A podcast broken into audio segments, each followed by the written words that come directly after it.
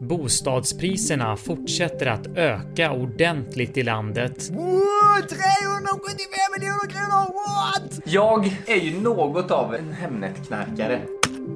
Hemnets totala marknadsdominans håller upp stickare borta. Och vill du sälja din bostad utan mäklare, ja då får du klara dig utan den populära sajten. Vi har ringt i klockan och det känns väldigt roligt. Nu rusar aktien här på morgonen. På en kvart får du reda på hur Hemnet fick monopol på svensk bostadsannonsering och hur sajten blev en kassako för mäklare. Det säljs mer och det publiceras mer. Vi sålde våra lägenhet för ett par veckor sedan och vi jagar ju hus.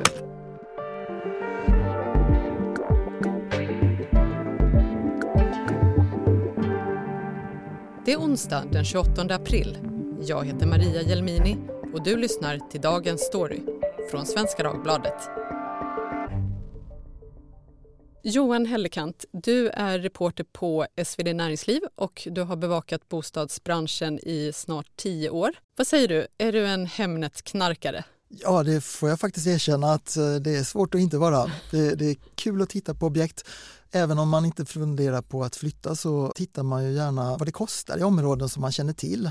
Vad kostar sommarstugorna just nu? Mm. Det är kul. Igår så börsnoterades ju alltså Hemnet som är den största, eller man får nästan säga enda digitala marknadsplatsen för bostäder idag. Men Hemnets resa startade redan 1997. Kan du berätta? Ja, det var faktiskt en mäklare som hette Bengt Bjartorp. Han hade jobbat eh, större delen av sitt liv då som mäklare och insåg att med sajter kunde man göra något helt nytt. Det var ju dyrt att annonsera i papperstidningarna och mm, då blev sajten ett komplement till eh, annonseringen. Det var ju mäklarnas egen sajt så det var ju mycket billigare. 25 procent av, av um, mäklararvodet stod pappersannonseringen för så att uh, det kunde man pressa ner tyckte den här Bengt Bjartorp. Så Bengt skapade alltså den här eh, framgångssagan får man väl säga och sen så sålde han vidare sitt bolag? Ja, det var ju flera aktörer som insåg att det här var väldigt viktiga saker, inte minst mäklarbyråerna själva. Så det var ju Fastighetsbyrån och Svensk Fastighetsförmedling och sedan också branschförbunden som gick in i den här sajten. Så mäklarna var ju med på, på gruppnivå sen. Men Bengt fick ju inte då 11 miljarder som värderingen har, har legat runt nu idag. Nej, det var ju lite synd då att eh, 1900 98 eller vad det var när han sålde så, så blev det bara 15 000 kronor och idag så hade ju detta varit en fantastisk affär. Nu rusar aktien här på morgonen upp nästan 50 procent as we're speaking. Intresset för Hemnets börsnotering under tisdagen var enormt. Aktien övertecknades kraftigt och priset landade på 115 kronor, maxnivån i det intervall som man bestämt. Därmed värderades bolaget till 11,6 miljarder kronor. Vi har en jättefin position idag eh, och det som ligger i korten för oss handlar väldigt mycket om att fortsätta utveckla vårt erbjudande eh, med nya produkter och tjänster. Från början var det alltså mäklarbranschen som tog över Hemnet. Men för fem år sedan gick en grupp amerikanska riskkapitalister, General Atlantic, in i bolaget. Men det är inte bara bostadsannonser som Hemnet tjänar pengar på. Hemnets pengar kommer från tre håll. Det är bostadssäljarna förstås, de står för cirka 60% av intäkterna. Sen är det faktiskt mäklarna själva som, som betalar för att de använder sajten. De står för cirka 15% Och sen är det så att, att det är ganska mycket annonsering på Hemnet. Bankerna annonserar bolån och sånt där. Och det där är en guldgruva. Det är 25% av Hemnets intäkter. Men om man då lyfter blicken lite, vilka blev de stora förändringarna när bostadsannonseringen på allvar flyttade in på Hemnet? För tidningarna så, så blev det ju en tid av förändring. För det innebar ju att bostadsmagasinen blev ju lite magrare och för mindre tidningar på landsorten så märks det ju kanske extra mycket att radannonserna försvann och mm, då istället blev det en, en enhetlig marknadsplats som många kände till. Namnet Hemnet blev ju mer och mer känt. Det bidrog ju också till transparens, att man kunde jämföra vad grannen la ut sitt objekt för eller någon annan i kvarteret. På så vis mm, fick ju både köpare och säljare och mäklarna med för den delen en bättre överblick. På marginalen så bör det ju leda till mm, att det är en jämnare prissättning. Sen kan vi också säga att det är på en stigande marknad som det har varit under ända sedan Hemnet då skapades så har det varit en huvudsakligen stigande marknad och då har det ju varit lättare att höja priserna eftersom man ser att det gjorde ju alla andra. Så det är inte omöjligt att det också har bidragit till att priserna har pressats uppåt? Transparens på en stigande marknad innebär ju att det snabbt blir högre priser på jämförbara objekt. Så det har varit en kraftigt stigande marknad sedan 1998 med några små undantag. Men det här med Hemnet-knarka, bara det att det, det ändå finns ett sånt verb som används säger någonting. Att Hemnet har ju så gott som monopol på bostadsannonseringen i Sverige idag. Har det aldrig på allvar kommit fram några bolag som har konkurrerat med Hemnet? Ja, alltså man kan väl säga att det har varit en hel del försök men att det har varit svårt att, att bryta igenom de vallgravar som finns kring Hemnet. Det är ju nämligen fortfarande mäklarnas marknadsplats på så vis att många mäklare är delägare i Hemnet. Så att det, när aktörer som Bovision, Bonio eller Booli har, har, har, försökt utmana så blir de inte lika stora för mäklarna styr mot annonsering i Hemnet. Det, det, är lite annorlunda affärsmodeller på många av de här sajterna för att till skillnad från Hemnet så släpper de in eh, privata säljare. Hemnet är exklusivt för mäklade objekt så de är liksom en proffssajt. De är ju marknadsdominerande och mm, det är svårt att, att låta bli att annonsera på Hemnet.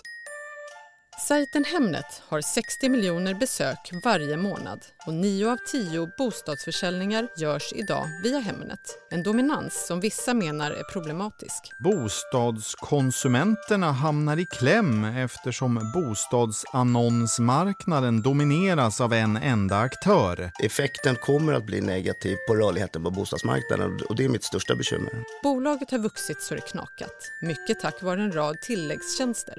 Snittintäkten per annons har ökat stadigt från drygt 1000 kronor för tre år sedan till nästan 1800 kronor per annons i fjol. Och försäljningstillväxten har legat runt 20 procent per år.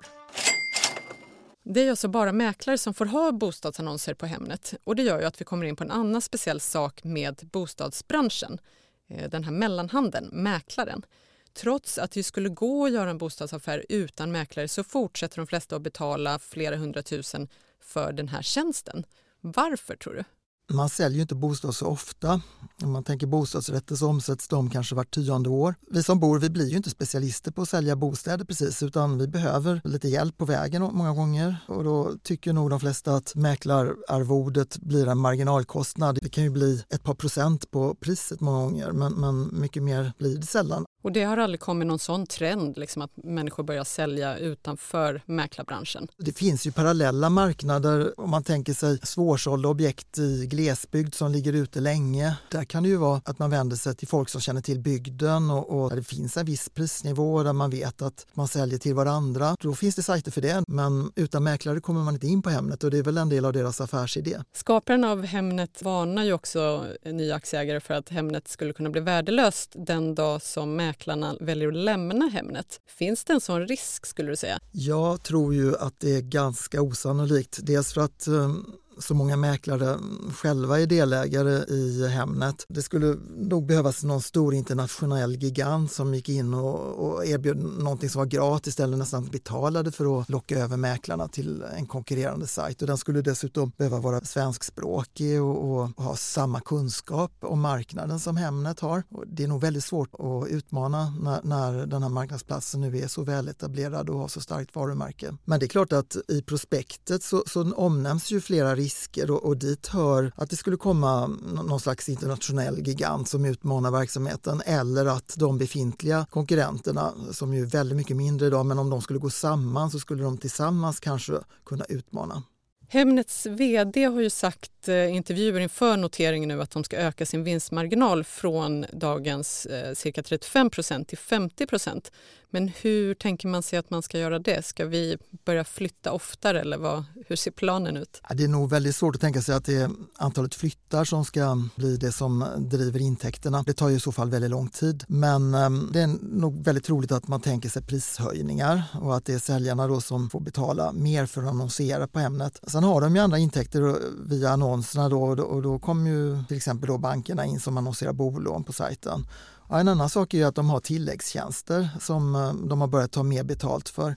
En sån tjänst är till exempel raketen som, som lyfter upp exponeringen under några dagar. Och dessutom har de paket där, där baserbjudandet växlas upp mot högre kostnad för annonseringen. Och det är ju en hel del säljare som, som naturligtvis väljer på det här för de uppfattar det som marginalkostnader. Och det gör att annonsintäkterna de, de har faktiskt eh, ökat rejält den sista tiden. Mäklaren är ju ibland en person eller en roll kanske som vi älskar och hatar. Det finns den här nidbilden av den mm. typiska mäklaren. En man kommer in rullande i sin Merca, backslick kostym. Vad säger du, är det så en snittmäklare ser ut? Jag skulle säga att, att det är en representativ roll. Mäklaren vill ju se snygg och proper ut och samtidigt så kanske vi tycker att, att vi inte riktigt vet om de säger allt. För att bli fastighetsmäklare krävs minst 120 högskolepoäng och praktik. Könsfördelningen i branschen är idag jämn och den största åldersgruppen är mellan 30 och 39 år.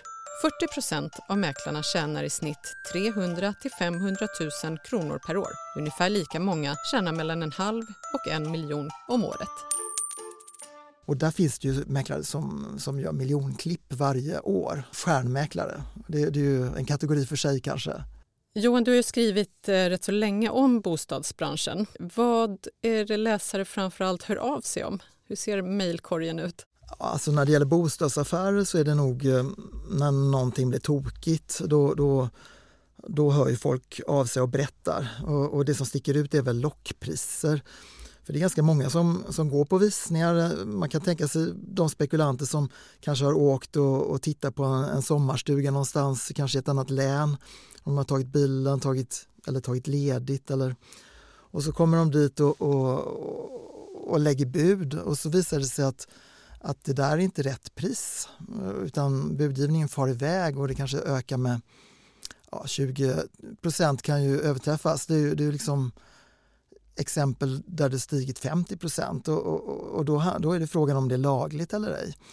Och då hör folk av sig. De tycker att, de, att på något sätt det de hade förväntat sig, den dröm de, de hade, den, och den ansträngning de har gjort, den var förgäves och det går inte att hitta objekt för de är felprissatta. Folk vill inte känna sig lurade och, och, det finns ju samtidigt lag kring sånt här. Man får inte sätta lockpriser. Så att eh, då hör folk av sig. Men sen Sen är det väl som folk är mest, att, att man, man är bekymrad. Man hör av sig när man ser någonting i sin vardag som, som man inte tycker eh, borde finnas. Och det är ju det vanliga boendet då som till exempel konflikter i den egna bostadsrättsföreningen eller att eh, närmiljön, att man uppfattar att närmiljön hotas av ett byggprojekt som är på gång. Bostaden är ju väldigt viktig för oss alla. Vi vet ju nu under pandemin att behovet förändras. Vi kommer alla fortsätta att leta efter drömobjekt tror jag. En sak som vi ju måste snudda vid nu vi nu pratar om bostadsmarknaden är ju priserna som vi också är väldigt intresserade av och, och fundera på vad de ska ta vägen. Vad tror du själv? Nu har vi haft en rejäl uppgång här efter en, en svag liten nedgång för ett år sedan. Det, det är ju så med, med, framtida priser att vi vet inte. Eh, det enda vi vet är att eh, om man tittar långsiktigt så, så går ju priser på bostäder alltid upp. Om man tittar riktigt långt så, så drivs ju prisuppgången också av inflation. Och det finns ju prisstatistik då från 1986 som visar att, att idag får man sätta en nolla bakom alla bostadspriser som är 35 år gamla. I Stockholm och Göteborg så har de gått upp tio gånger. Så det, det är ju fantastiskt om man tittar bakåt så, hur, hur lite det kostade 1986 och hur mycket det kostar idag. Men um, samtidigt har vi andra exempel. Om man tittar på Danmark så hade de en svår bostadskrasch um, 2008 uh, och priserna Danmark kommer tillbaka till de gamla nivåerna först nu. Och mm, det, mm, det, är klart att man ska vara lite försiktig. Vi brukar ju säga det att, att, att, man ska se bostaden just som bostad och då ska man köpa där man trivs och där man kan bo länge. Och man ska förstås också köpa med bra marginal så att hushållskassan räcker till annat. Man ska ju inte bara bo. Tack Johan Hellekant. Tack så mycket.